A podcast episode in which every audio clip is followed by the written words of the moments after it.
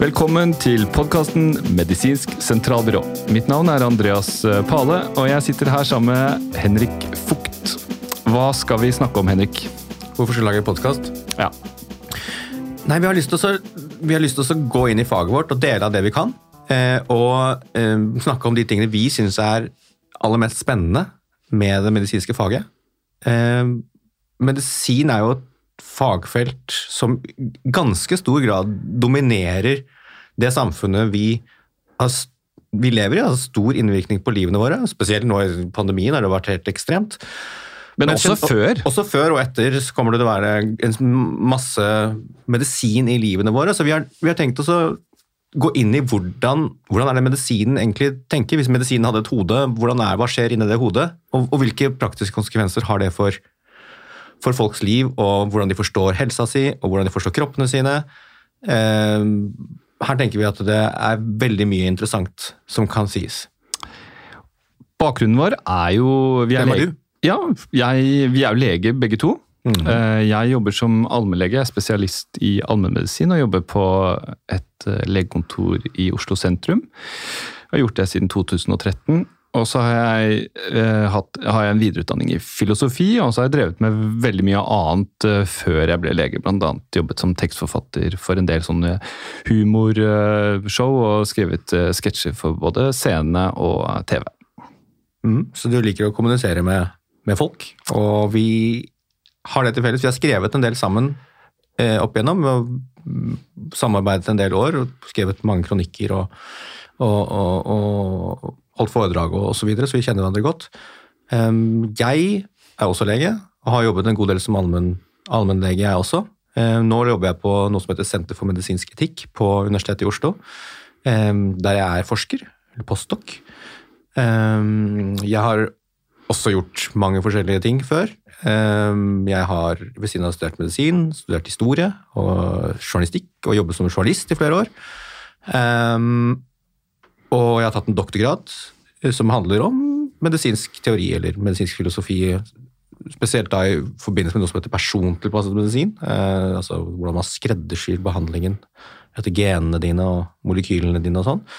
Eh, så det vi har til felles, er en sånn interesse for, for faget vårt på et filosofisk plan, og har lyst til å liksom, knytte det til hvor, hvilke praktiske konsekvenser det har, de tingene som står på spill måte, i samfunnet og folks liv. Uh, og så knytte det til, til da, dagsaktuelle ting som skjer i samfunnet. Det, det er helt riktig. Vi kommer også til å invitere uh, gjester mm. i studio. Men det som, kommer, det som, er viktig for oss, er at vi, vi kommer til å snakke om det vi syns er interessant. Mm. I håp om at det også er interessant for folk.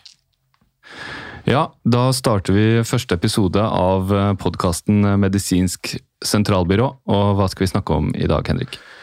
Jo, eh, nå står vi også oppe i en enda en slags begynnende krise, eller, eller, det man lurer på om er en ny krise i pandemien, altså halvannet år inn i, i dette dramaet, ja. så, så, så, er vi der at vi, Det er mye i mediene om at smitten øker. Mm. I dag, akkurat i dag som vi sitter her, altså det er tirsdag, mm. så eh, så snakker eh, Helsedirektoratet om at antall innleggelser er økende, og at det kan bli behov for mer tiltak. Mm. Eh, Nakstad rasler med sablene.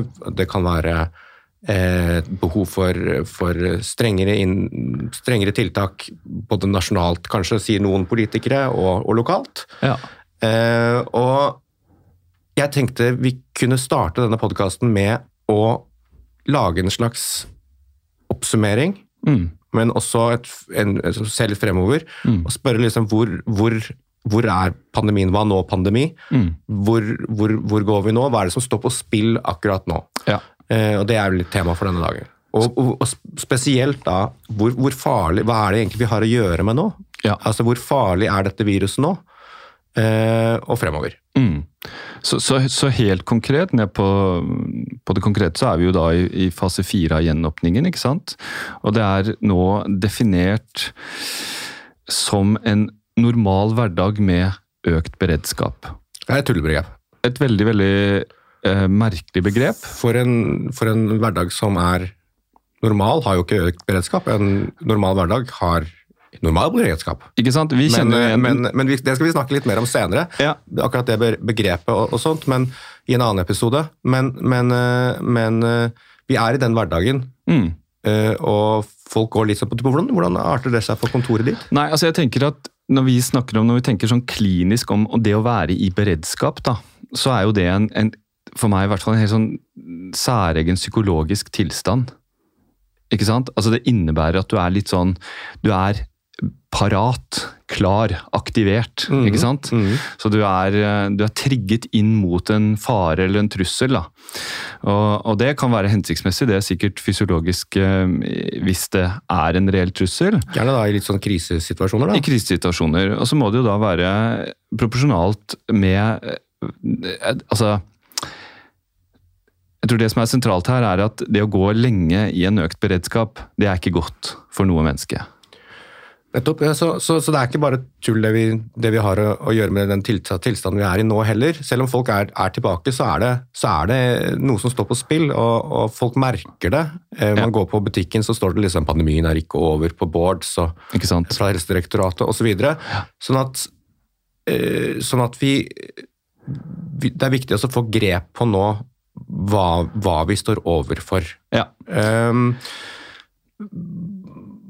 hvordan merker du det på kontoret? Hvordan er pasientene? Nei, altså jeg loddet litt stemningen blant kollegaer rett og slett før denne episoden. og Jeg tenker at det er en viss eh, Ja, det er jo en viss beredskap, da. Eh, Det er en del eh, Det har vært mye kontakter knyttet til engstelse for eh, altså eldre som er engstelige for, for en tredje dose, for bivirkninger. Det har vært en del eh, kontakter knyttet til primærvaksinering av- for yngre, om de er eh, engstelige for menstruasjonsforstyrrelser, for hjerte, for myokarditter osv. Og, og det har, vært, eh, det har vært også bekymringer kan du si, eh, knyttet til eldre som er alene, og rusmisbrukere og alvorlig psykiatriske eller pasienter med alvorlig psykiatrisk sykdom som, som fungerer dårligere i denne perioden. Da. Så i kontaktene inn mot allmennlegekontoret, som ofte er en sånn temperaturmåler på, på, på samfunnet, har jo vært at det, er, det, er, det, er, det fremstår stress, altså som en litt stressa befolkning. Ikke helt normalt? Ikke helt normalt. Nei. Um, yes. så, men, men hvor farlig er dette viruset nå? Vi prøvde å regne litt på det. Eh, og er jo det, Da må man jo komme tilbake til dette begrepet som heter dødelighet. Ja. Som ikke alltid er like lett å forstå, og som kan regnes ut på ulike måter. Um, vi regnet litt på det, Mm. og fant ut at de siste månedene eh, så har den såkalte CFR, eller Case Fatality Rate, Mm. eh, som da er et, er et anslag på hvor mange som dør av de som får påvist, altså av de som er, øh, får testet positivt, den er på 0,15% cirka de siste månedene. Um, dette er da uten mørketall, Mm. Uh, og altså, her får man ikke med mørketall av de som, som er smittet, men som ikke blir testet. Uh, og de tenker vel vi, vi- Ingen vet vel helt hvor store de er nå, men de kan være ganske betydelige. Eh, fordi folk tar litt lettere på testingen og er vaksinert og sånt. Og kanskje blir mildere syke også, sånn at de ikke Sånn at de ikke merker det så mye og, og ikke tester seg. Eh, sånn at det er grunn til å tenke, tenker jeg, at, at, at eh, den egentlige dødeligheten, såkalt infection fatality rate, eller IFR, er under 0,1% eller har vært det den siste tiden. Og det betyr eh, Det betyr at eh, dette viruset nå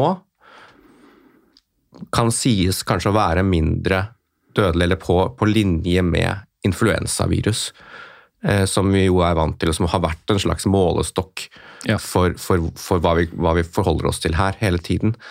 Em, det betyr, tenker jeg rent etisk, at, at det, det blir vanskelig å rettferdiggjøre svært sterke tiltak utover det vi er vanlig, vant med med tanke på influensa, med tanke, altså, ut fra det alene. Altså ut fra hvor, hvor farlig i viruset er for den enkelte. Ja. Og da må det, være, da må det handle om andre ting, altså, som, som det har vært mye snakk om i det siste, hvor, mye, altså, hvor mange syke det blir på én gang. eh, og ikke minst da hvor mange syke det blir på en gang, sammen med andre, ja. andre sykdommer. For viruset, som vi skal snakke om også, vi skal snakke om immunitet litt senere, viruset er blitt mindre farlig eh, for mennesker som har vært da, vaksinert eller hatt viruset eh, fra før. Eh, så, så, så, akkurat det er jo egentlig en veldig positiv ting. Vi har ikke å gjøre med et veldig farlig virus for de som er vaksinert eller hatt infeksjonen før, nå. Ikke sant. Så er det jo da, Samtidig så går vi da inn i en eller vi er på vei oppover i en bølge, antageligvis. Ja, det ser jo sånn ut. Det, det er jo vanskelig å si. Altså, smitten har jo falt plutselig, uten at folk har skjønt det før. Mm. Men, det, men, de siste dagene har det vært en bratt kurve oppover, og også nå bratt kurve oppover med, uh, eller hakk oppover med sykehusinnleggelser med sånn 40-50 innlagt siste døgn. Ja, for Vi må jo skille mellom en del begreper her, og hva som har vært viktig sånn styringsverktøy gjennom hele pandemien, har jo vært uh, innleggelse på sykehus og bruk av intensivplasser på sykehus. Mm. og Der er det jo vært uttrykt en sårbarhet, ikke sant. Altså Der har intensivmiljøet og legene der vært, vært veldig bekymret for kapasiteten. Ja, jeg, jeg tenkte jo i starten av pandemien, når jeg skrev om det da, så tenkte jeg ofte at, at det er dødeligheten som er det helt sentrale her. Altså mm. Hvor farlig er det? Det var i hvert fall det jeg tenkte på på min egen kropp, at liksom, det er jo det jeg er mest redd for å dø. Ja. Men det har ikke vært det som har vært det mest sentrale måtte, tallet for myndighetene i store deler av pandemien. Det som tvert imot har vært, eller ikke tvert imot, men som, som har vært et annet tall som har vært det sentrale, har vært hvor mange som legges inn. Og, og ikke minst da om det har noe å si for å true sykehuskapasiteten. Og det ser vi vel fortsatt, at liksom når Gullvåg i dag blir intervjuet i, i, media, altså helsedirektøren, så er det liksom det de er bekymret for, og som, kan, som tydeligvis skal kunne utløse nye tiltak, er ikke hvor mange som dør. Det er heller ikke nødvendigvis hvor mange som blir sykehuslagt. Det er om sykehusene, og spesielt intensivavdelingene, opplever at det går utover deres vanlige drift, faktisk. Ikke sant? Så det er, en, det er, et viktig mål. Og det er et viktig mål. Det har jo vært egentlig trumf, da. Altså det har vært det superverdien, kan du si, i, gjennom hele pandemien. Og, og, og, det er tydelig at det er noe knyttet til samfunnskontrakten her som er veldig Altså det er veldig viktig, eh, kanskje da politisk og, og, for befolkningen som har jo samtykket til dette på et eller annet vis. Mm. og, ha opplevelsen av at de kan bli hjulpet på, på, det nivået hvis de blir alvorlig syke. Ja, altså, Dette har jo å gjøre med hva slags samfunn altså Hva vi styrer etter her, har, har, har, å gjøre med hva slags samfunn vi bor i. og Vi bor jo i en velferdsstat, vi tenker jo ikke over det mm. til vanlig, men en velferdsstat, spesielt i nordiske land og liksom sånn som det er i Vest-Europa, der er det der er helse en veldig viktig verdi. Og, og, og om at myndighetene Eh, kan ivareta helsen til folk. Eh, er på en måte en slags begrunnelse for hvorfor de får lov til å ha makt. Mm. Eh, så hvis de ikke klarer å hvis ikke myndighetene klarer å ivareta helsa til folk, mm. så, så, mister de på en måte litt av legitimiteten sin i, i sånne samfunn. Det, det, hadde ikke vært på samme måte for flere hundre år siden i andre samfunn. Og kanskje er det samfunn på jorden i dag også som, som ikke er på langt nær sånn uh, som, som, vi har det.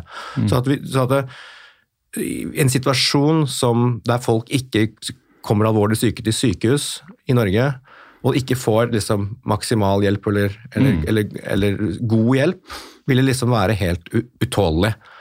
Uh, og, og, det, og, det, Etter hvert som, som, pandemien har skridet fram, så tenker jeg det blir, blir tydeligere og tydeligere at det er liksom det som mm. som, som, er eh, smertegrensen for, for myndighetene. Ja.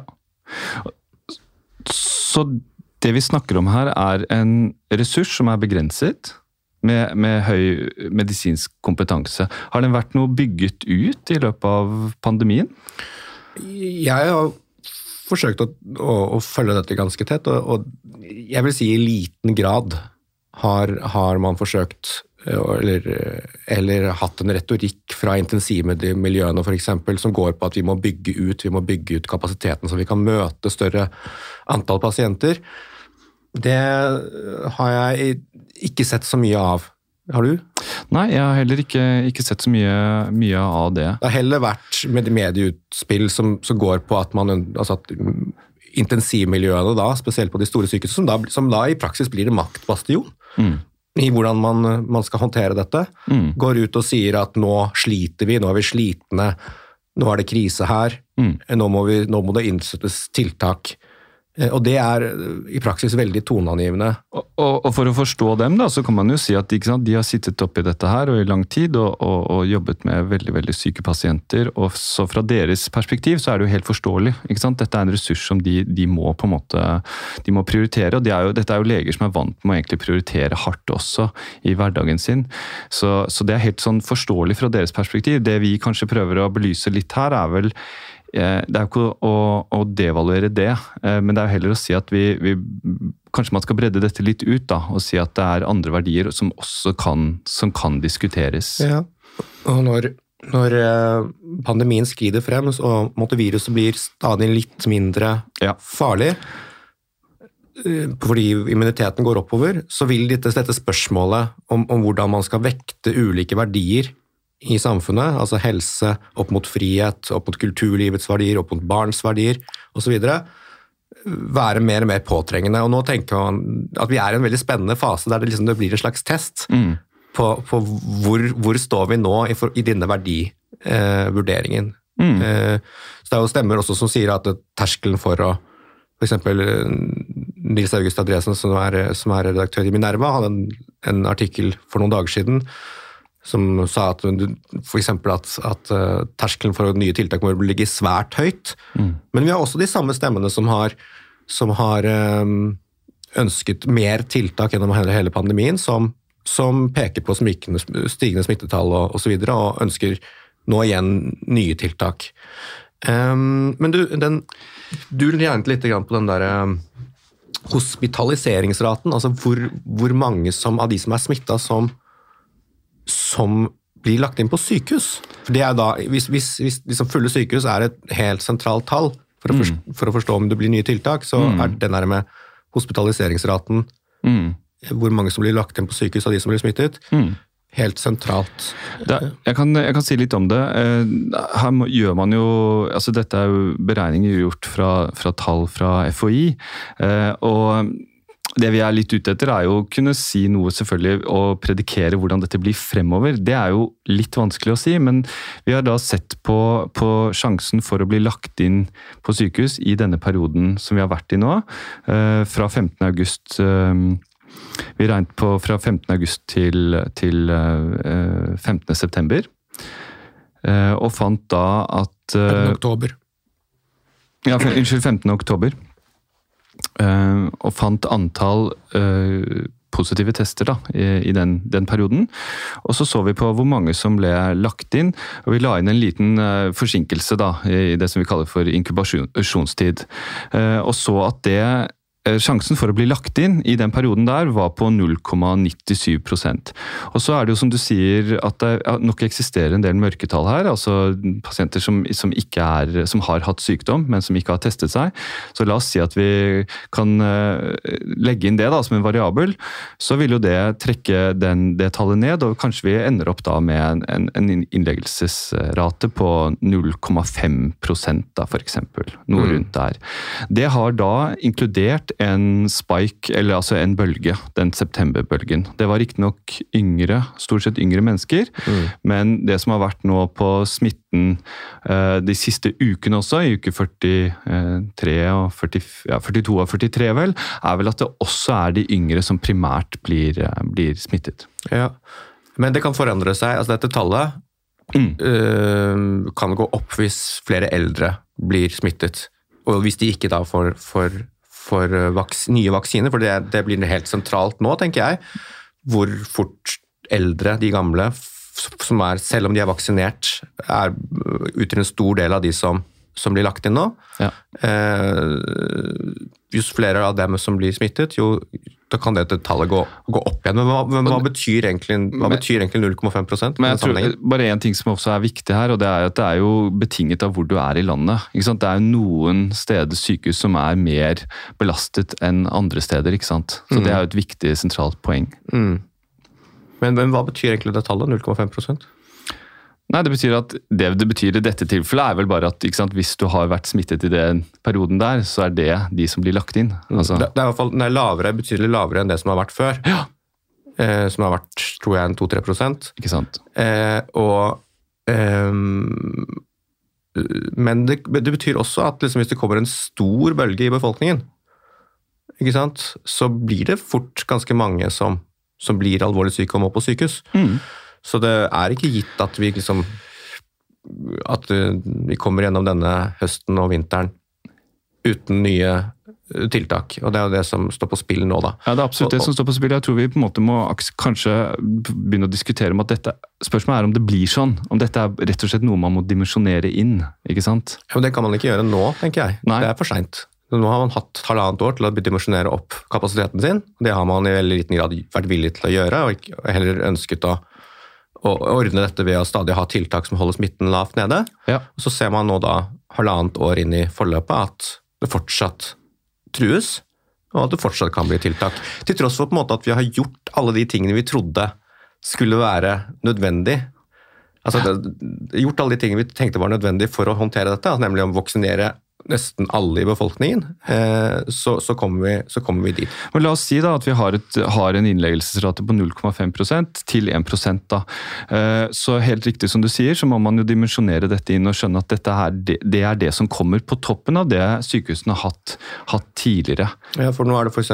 RS-virus, som er et virus som primært eh, rammer barn. Altså, Voksne smittes også, men det er barn som gjerne blir alvorlig syke.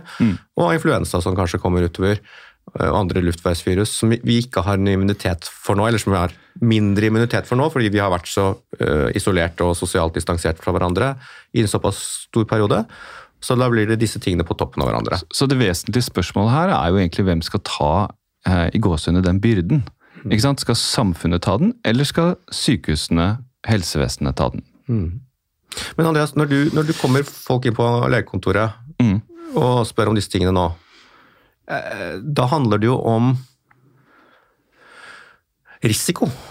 Altså konseptet risiko. Mm. Eh, Når vi snakker om fare, så er det egentlig det vi snakker om. fare i fremtiden. så er det egentlig det, det vi snakker om, risikobegrepet. Og egentlig så er det jo ikke sånn at Er det lett eller vanskelig å forklare folk? Medisinsk risiko er utrolig vanskelig å forstå. Både det Studier har vist at det er vanskelig å forstå for leger, det er vanskelig å forstå for pasienter. Sannsynligvis journalister og politikere. Eh, Hele linja. Ja, så det, for det, det, er liksom, det, det er en interessant ting at måten vår å forha- Egentlig så vil vi jo gjerne at risiko skal være null.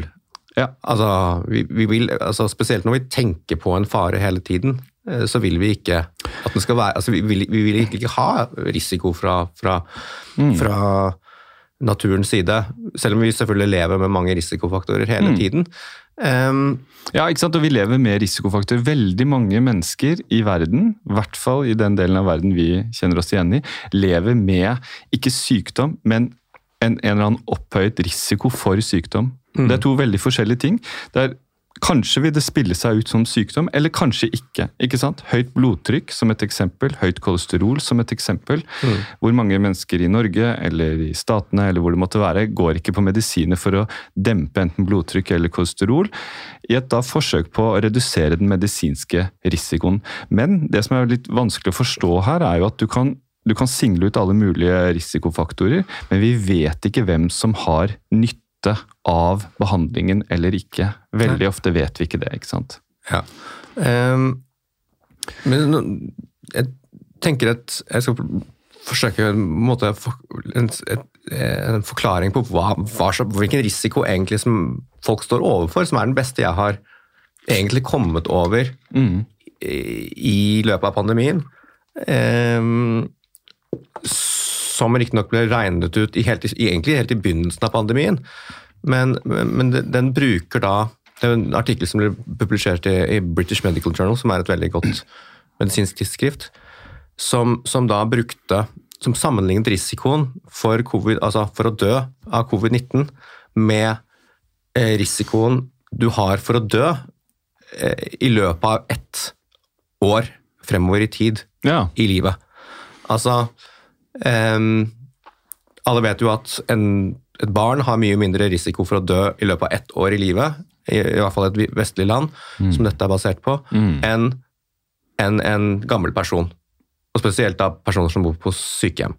Sånn at det man da fant i den utregningen, den studien i BMJ, var at risikoen for å dø hvis man blir smittet av, av koronaviruset, i løpet av, den var omtrent like stor som risikoen du har for å dø i løpet av ett år i livet ditt.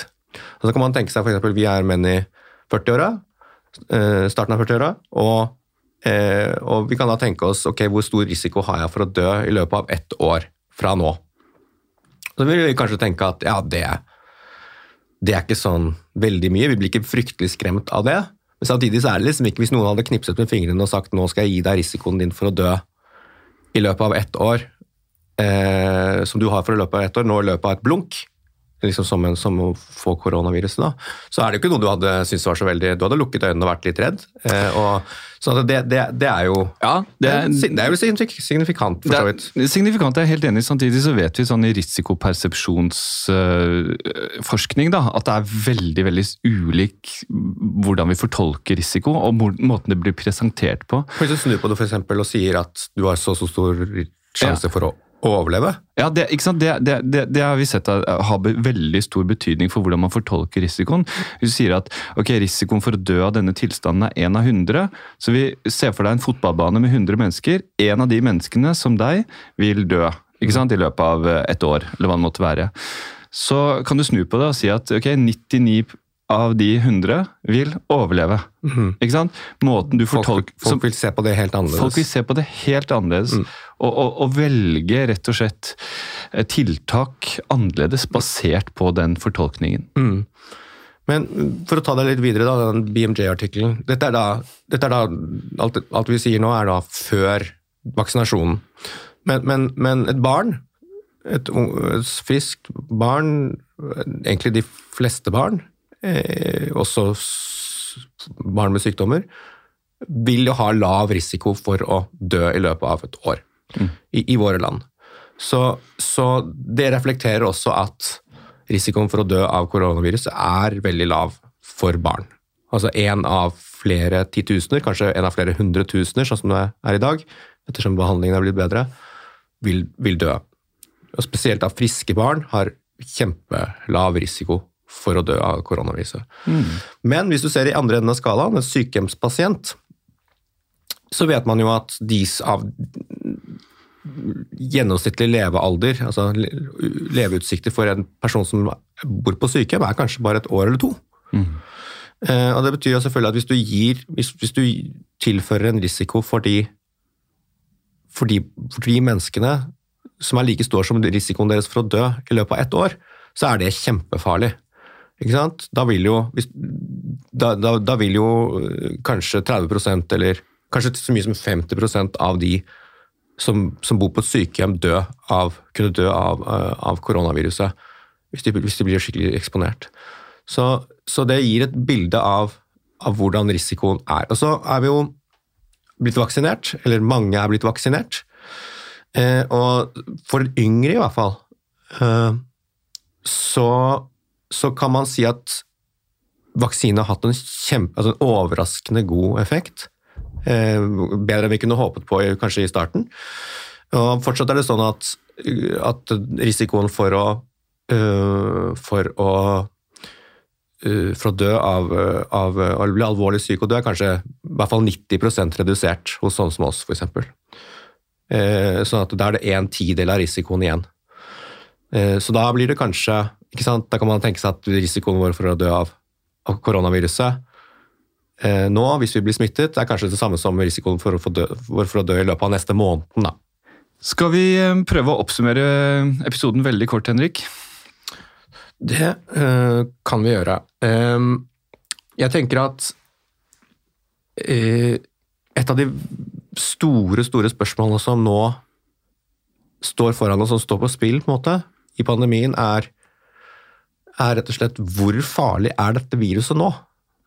Uh, vi, vi, vet egentlig ikke det ennå, og det er en av de spennende tingene som vil vise seg. Jeg er jo en av de som kanskje har tenkt liksom sånn intuitivt at, at dette viruset vil lande på å være like farlig altså når, det, når, folk har blitt immune og fått vaksiner og, og sånt, så vil det bli til slutt lande på å være omtrent like farlig som, som andre koronavirus vi har rundt oss. For der, Vi har allerede fire koronavirus som, som, har gitt det vi kaller forkjølelse. Eh, og de har nok vært farligere på et tidspunkt når de først traff menneskeheten, på en måte. Ja. Eh, men vi vet jo ikke. Det kan jo hende at dette viruset er, er noe verre, eh, eller noe bedre. Men, altså, men, men det, det, kan det kan hende at eh, det er et virus som, som, vil gi mer sykelighet i befolkningen over tid enn de virusene vi har hatt før. Det er et stort spørsmål. Og I hvert, hvert, fall vil det antageligvis gjøre det i en periode fremover. Eh, for det, det du snakker om der, forutsetter at vi får sant, resmitte eller en uh, infeksjon, nei, vaksine, som gjør at vi måtte, bearbeider eller får en bedre immunrespons over tid. Men det vil uansett være en, en, en, en tidshorisont der som er viktig, og i mellomtiden så må vi kanskje dimensjonere for at dette her kommer til å gi økt press på sykehusene, som har vært den viktigste verdien eh, til nå. Og så må man eh, speile dette opp mot uh, hvilke tiltak som skal være rimelig i samfunnet. ikke sant? Og Da er det noen tiltak som, som vil fremstå som rimelige, og andre kanskje som mer urimelige gitt den enkelte eh, Gitt konteksten vi er i, da. Ja, Det blir en fase som, som det ekstra Det blir kanskje enda viktigere å tenke på forholdsmessighet eh, og rimelighet i tiltak. Eh, fordi vi er, vi er så, vært så lenge og eksponert for dette viruset nå, og liksom sitter i kulturelt nå at dette er noe eh, jævlig. Sånn at det er viktig å liksom Jeg tenker at det der med å, å, å gjenvinne normalitet også har å gjøre med et slags aktivt valg om å, om å ta en viss risiko. At vi må velge å leve normalt, mer enn at det liksom bare gis, er gitt at vi skal gjøre det. Eh, ja, så, så... Og, og, da må vi forstå hva risiko er, og vi må også forstå hvordan eh, ulike måter å, å, presentere risiko på preger eh, beslutningene våre. Mm. Men, da... men, eh, men, et annet spørsmål som jeg tenker helt på slutten er, er viktig, er, er å liksom understreke at dette viruset er ikke hva det en gang var. Det vil si, viruset kan man si, er hva det en gang var, og kanskje enda liksom verre. Det har mutert og smitter lettere med den delta-varianten som dominerer nå. Men, men sykdommen covid-19 eh, er noe annet nå. Spesielt for de som har hatt infeksjon eller blitt, blitt vaksinert. Fordi sykdommen covid-19 den oppstår ikke den, den, har ikke bare noe å gjøre med viruset i seg selv. Den, har å gjøre, den er kontekstavhengig. Den den har å gjøre på individplan med hvor immun du er, altså hvor syk, hvor syk du blir. Har å gjøre med samspillet mellom deg og viruset å gjøre. Eh, så Det er en, måte en viktig filosofisk ting, at sykdom oppstår i, er kontekstavhengig og oppstår, har ikke bare med viruset å gjøre, men oppstår i samspillet mellom deg og, eh, og viruset, og også sosiale faktorer. sånn at det har mye å si hvor, hvordan samfunnet, hvor mye samfunnet er vaksinert, hvordan samfunnet er for øvrig. Eh, og Sånn sett så kan man si at covid-19 ikke er, ikke er det det var. Er ikke den samme sykdommen som vi hadde for halvannet år siden. Ikke sant? Og For å avslutte denne episoden så kan vi si at det er, det er viktig for oss, og vi kommer til å komme tilbake til det mange ganger eh, i denne podkastserien. Sykdom er sosialt betinget. Sykdom er avhengig av faktorer utenfor eh, et virus eller et eh, endring i en celle, eller hva det måtte være. Det er avhengig av kultur, det er avhengig av politikk og sosial kontekst. Mm.